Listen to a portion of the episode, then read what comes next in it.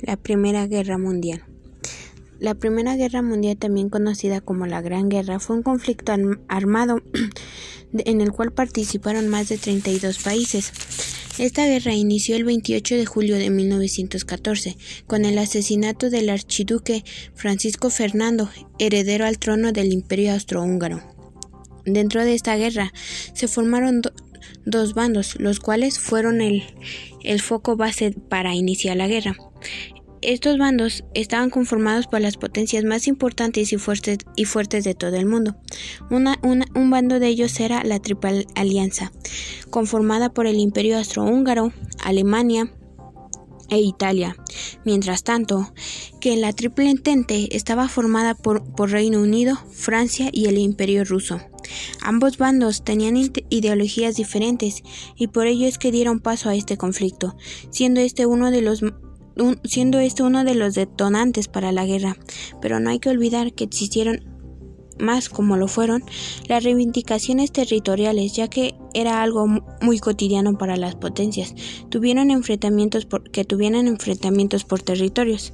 De esta manera lo, pasaba lo mismo con las alianzas creadas durante la guerra, ya que ésta hacía ser más fuerte o más débil. Dentro de esta guerra hubo, hubo millones de personas que murieron durante los enfrentamientos, dando origen a varios conflictos internos, como lo fue la Guerra de las Trincheras, la cual consistió en que Alemania deseaba conquistar el frente occidental Mientras tanto, al término de la guerra, trajo consecuencias tales como las divisiones territoriales, ya que cada país comenzó a tener su propia autonomía para poder desarrollarse. También hubo grandes pérdidas tanto de vida como de infraestructura, creando así un fin a la guerra.